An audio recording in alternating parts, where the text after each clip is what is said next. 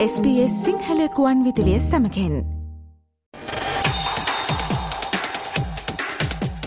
ජයපරාජය මැදින් ගලා යන සද්දිල කෙලිබිලේ උණුසුම.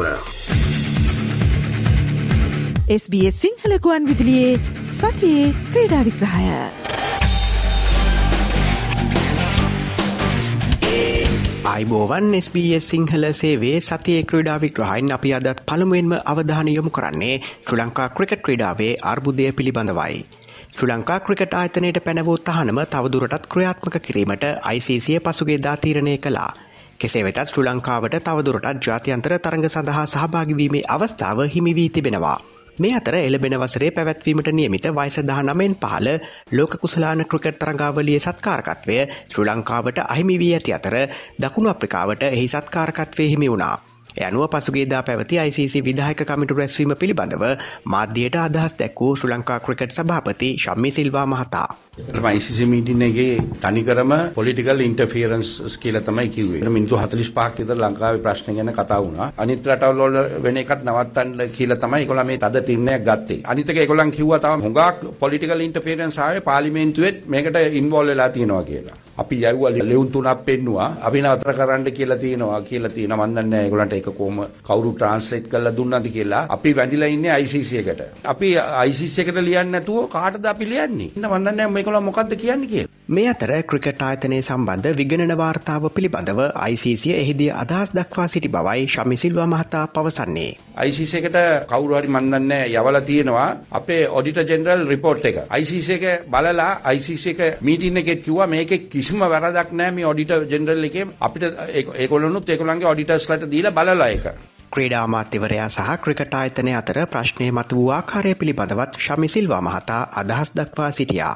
ඇමතුමාගේ අපේ ප්‍රශ්න පටන් ගත්තේ මේ 120යි. එයාට මේ ලංකාවේ හිටපු ලෙජන්ඩ් කෙනෙක් එයාට දුන්න ලණුවක් ඉන්දියන් බෝඩ් එකෙන් පෝට්ස් වලට 120ක් දෙනවා කියලා. ඉන්දියන් බෝඩ් එකෙන් සත පහක් දෙන්නේ අපි දෙනවා තරම්වත් CSR කරන්නේ අපි ඕනම තැනක අපි හොරු කියලා මේ ඔප්පුනොත් අපි හෙට යන්න ලෑස්ති.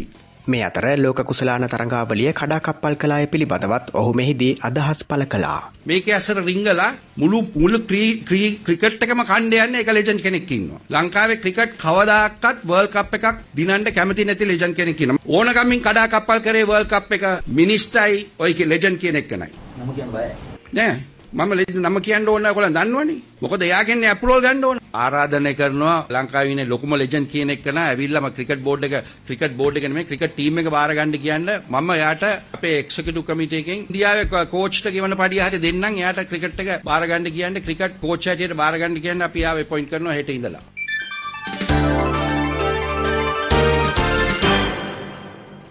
ක්‍රිකට් සාමාජිකත්වය අත්හිටුවන ලෙස ඉල්ලා ශ්‍ර ලංකා ක්‍රිකට් සභහපති ශම්මි සිල්වා මහතා ICසිය වෙත ලිපි තුනක් යොමු කර ඇති බව ක්‍රඩාමාත්‍ය රෝෂාන් රණසිංහ මහතා පවසනවා. ඔහු මේ ලිපි තුන පසුගේදා පාර්ලිමේන්තුවේදී සභාගත කළා. මෙන්න හයවෙනිදා ජාත්‍යන්තර ක්‍රිකට් කවුන්සලයට යවන ලද ලිපිය මෙන්න හත්වන දින ජාත්‍යන්තර ක්‍රිකට් කවුන්සලයට යවන ලද ලිපිය මෙන්න නම්වෙන්දා ජාත්‍යන්තර ක්‍රිකට් කවුන්සලයට යවන ලද ලිපිය මේ තියෙන ඔහුගේ අත්සන. සියලුම අනිකුත් රටවල් වල ක්‍රිකට් ආයතන වලටත් යවලා තියෙනවා. ජාත්‍යන්තර ක්‍රිකට් කවුන්සලයට බල කරලා තියෙනවා. ඒ වගේම කම්පෙල් අපේ ක්‍රිකට් තහනම් කරන්න මෙයාලා තමයි ඉල්ලීම කළා තියෙන්නේ. මේ අතර විපක්ෂනායක සජිත් ප්‍රේමදාස මහතා සඳහන් කළේ මේ සියලු සිදුවීම් කිසියම් නාට්‍යයක ජවනිකා පමණක් බවයි. මේක මේ නිර්මාණය කරපු නාට්‍යයක්. තමන් කියලා තමන්ගේම රටේ තමන්ගේම ක්‍රීඩාව තහනම් කරගෙන දින කිහිපයකට පස්සේ තමන්ම ගිහිල්ලා තමන්ට සහයෝගය ලබා දුන්නු දේශපාලන බලවතුන් එක්ක නායකයෝ එක්ක තහනම ඉවත් කරගෙන මමයි සුපර්මෑන් මමයි වීරයා මමයි ශ්‍රී ලංකාවේ ක්‍රිකට් බේරලා දුන්නේ කියන ඔය නාට්‍යයේ ජවනිකාව මේ ක්‍රියාත්මක කරන්නේ.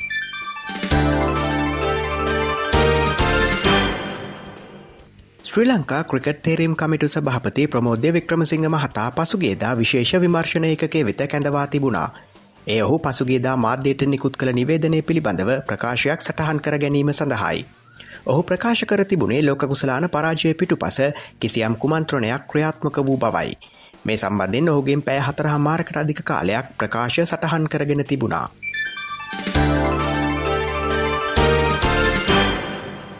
තමා ලෝක කුසලාන ක්‍රිකට් තරඟාවලියට සහභාගි නොවයේ වෛද්‍ය උපදෙස් මත බව සුපිරි ක්‍රඩක වනිදු හසරංග පවසනවා.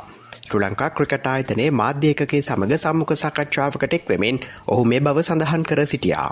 මම එල්පල් එක ඉවරලා ම අපහු ප්‍රක්ටිස් පටන් ගත්ත. ම පන්දුවව පන්දුවට පහර දුන්නා. මම රනින් පටන් ගත්ත. ති මගේ අවාසනාවට ආපහු කප් එකට සති දෙකක් තියලා මසල් එක ඉරුණා. ප්‍රොෆෙසත් එක්ක කතා කරලා එයා කිව්වා හොඳම විසඳුම මේකට සර්ජරිය එක කරන වෙලාවේ ප්‍රොෆෙස කිවේ මට වර්ල් කප් එක ක්‍රීඩා කරන්න අමාරුයි. මොකද මේ ඉන්ජරියක හොඳ වෙන්නේ සර්ජරිය එකක් නොකරත් සති දොළහක කාලයක් යනවා ලිතින් සර්ජරිය එකක් කරත් සති දොළහයි නොකරත් සති දොළහයි කොහොම කරත් සති දොළහක කාලයක් යන නිසා වර්ල් කප්පෙන් පස්සේ මට ආපහු නැෂනල් ටීමේට මැච් මැචස් මුකුත් නැති නිසා මම තනියම පෞද්ගලිකව ගත්ත තීරණ මේ මම තිහාන් එයා තමයි ෆිසියෝ ඉන්නේ ඉතින් එයා මගේ සර්ජරි එක කරපු ප්‍රොෆෙසර් ශ්‍රී ලංකා ක්‍රිකට් වෛද්‍ය කමිටිය එකත් එක්ක ගත්ත decision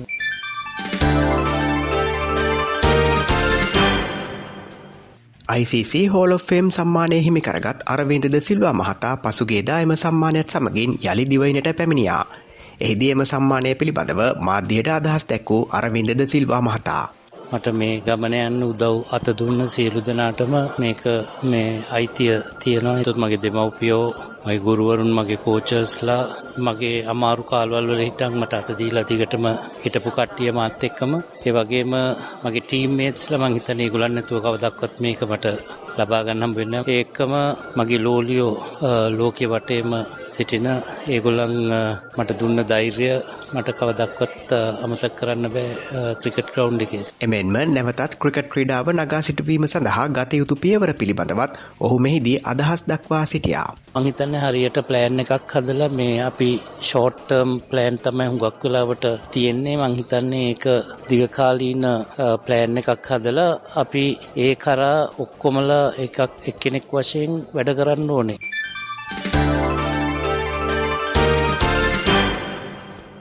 නිමා වූ ආසියානු මල ක්‍රඩා තරංගාවලියේ ශ්‍ර ලංකාව වෙනුවෙන් පදක්කම් දෙනු ක්‍රඩක ක්‍රඩිකාවන් එකොළොස් දෙනෙකුට සහ පුහුණුකරුවන් දෙදෙනෙකුට ශ්‍ර ලංකා ක්‍රිකට් ආයතනය පසුගේදා මූල්‍ය ප්‍රධානයක් සිදු කලා. මේදී රුපියල් මිලියන විසි අටක ත්‍යයාග මුදලක් ලබා දුන්න අතර රන් පදක්කම්ලාබී තරුෂි කරුණ රත්නට රුපියල් මිලියන දායක ත්‍යයාග මුදලක් හිමි වුණා. මේ පිළිබඳව මාධ්‍යයට අදහස් දැක්වූ තරුෂි කරුණාරත්න. ක්‍රීඩාවකින් තවත් ක්‍රීඩාවකට උදව් කිරීම ගැන ලොකු සතුරක් තියෙනවා. ඉතින් අපේ අපි දක්වපු දක්ෂතාවය අගේ කිරීම ගැන ශ්‍රී ලංකා ක්‍රිකට් ආයතනයට බෙහෙවින් ස්තුතිවන්ත වෙනවා. අපේ ඉස්සරහා ක්‍රීඩා ජීවිතයට මේක ගොඩක් වැදගත් වෙයි කියලා මම විශ්වාස කරනවා. ඒ වගේම අපිට පස්සේ ඉන්න එන්න ඉන්න අයටත් මේක ලොකු හයියක් වෙයි කියලා මම විශ්වාස කරනවා.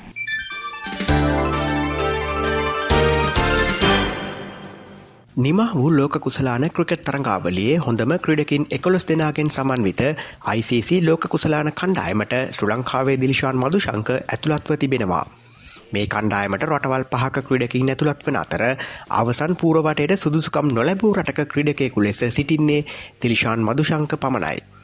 ඔහු තරංගාවලිය පුරාවට කඩුළු විසි එකක් බිඳ හෙළු අතර වැඩිම කඩුළුලාබින් අතර තුන්වන ස්ථානයට පත් වනා. SBS සිංහල සේවේ සතිය ක්‍රීඩා විග්‍රහයෙන් අපි දැන් අවධානය යොමු කරන්නේ ඔස්ට්‍රලයානු ක්‍රීඩා පිටිය වෙතයි. ඔස්ට්‍රලියාව සහ ඉන්දියාව අතර ඊයේ පැවති පළමු T20 තරගෙන් කඩලු දෙකක තියුණු ජයක් හිමි කරගන්නට ඉන්දියාව සමත් වුණා. ඔස්ට්‍රේලියාව කඩුළු තුනකට ලකුණු දෙසිය අටක් ලබාගත් අතර ජෝෂිංගලිස් පන්දු පණහකදී ලකුණු එකසේ දහයක් ලබාගත්තා. පිළිතුරු ලෙස ඉන්දියාව පන්දුවාර විස්සකදී කඩුරු අටක් දැවී එම ඉලක්කේ පසුකරයන්නට සමත් වනා. එහිදී නායක සූරකුමාරයා දෙව් ලකුණු අසුවක් ලබාගත්තා. තරග පහකින් සමන්විත දෙරට අතර T20 තරඟාවලියේ දෙවන තරගය එළමෙන ඉරිදා පැවැත්වීමට නියමිතයි.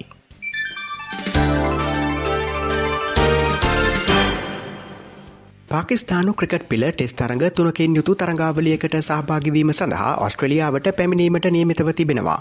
එහිදී පාකිස්ානු පිල සහ ඔස්ට්‍රලයානු අග්‍රාමාත්‍යවරයාගේ පිළ අතර පුහුණු සිවදින ක්‍රිකට් තරගයක් එලබෙන දෙසැම්බර් හය වනදා ආරම්භ වනවා.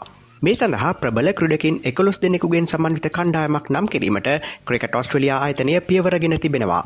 එය අනුව ටෙස්ට අත්දැකීම් සහිත ක්‍රඩකින් හය දෙනෙකු මේ කණ්ඩායමට ඇතුළත් වනවා. නාදන් මැක්ස්විනි නායකත්වය දරන මෙම කණ්ඩායමේ ප්‍රධාන පුහුණුකරු ලෙස පත් කර තිබෙන්නේ ශ්‍ර ලංකාවේ තිලාන් සමරවේරයි. මෙම සිව්දින පුහුණු තරගෙන් අනතුරුව ඔස්ට්‍රලියාව සහ පාකිස්ානය අතර තරඟ තුනකින් සමන්විත ටෙස් තරංගාවලිය දෙසැම්බර් දා හතර වනදා ආරම්භ වනවා. එය අනුව මෙවර ඔස්ට්‍රලයානු පිළේ බොක්සින් ඩේටස් තරගේ පැවැත්වෙන්නේ පාකිස්ානය සමගයි. මේ අතර එලබෙන බික් බෑෂ් ලී ක්‍රික තරගාවලියෙන් ඉවත්වීමට ඇෆ්ගනිස්ථානු ක්‍රීඩක රශීට් කාන් තීරණය කර තිබෙනවා. ඒ ඔහුගේ පිටකොන්දේ ඇතිවී තිබෙන ආබාදය සඳහා සුළු ශල්ලකර්මයක් සිදු කිරීමට සිදුවී තිබීම හේතුවෙන්. රශිට්කාන් අකණ්ඩව වර්ෂ හතක් බික් බෑෂ් ලීක් තරගාවලියේ ඇඩිලේට් ස්ට්‍රයිකර්ස් කණ්ඩායම නියෝජනය කළ අතර ඔහු අහිමිවීම විශාල පාඩුවක් බවයි කණ්ඩායම් කළමනාකාරිත්වය පවසන්නේ. රශීට්කාන් වෙනුවට කණ්ඩායමට එක්වන ක්‍රඩකයා ඉදිරියේදී නම් කිරීමට නියමිතයි. ඒ සමගින් SBS සිංහල සේවේ සතිය ක්‍රඩා විග්‍රහයෙන් අදට අපි සමුගන්නවා. හමුවමු ලබන සිකුරාදාත් සුපුරුදු වේලාවට. ප්‍රාර්ථනා කරන්නේ තෙක් ජයග්‍රහහි සතියක්. ජයපරාජය මැදින් ගලා යන සද්දිල කෙලිබිලේ උණුසුම. SBS සිංහලකුවන් විදිලියේ සතියේ ක්‍රීඩා විග්‍රහය.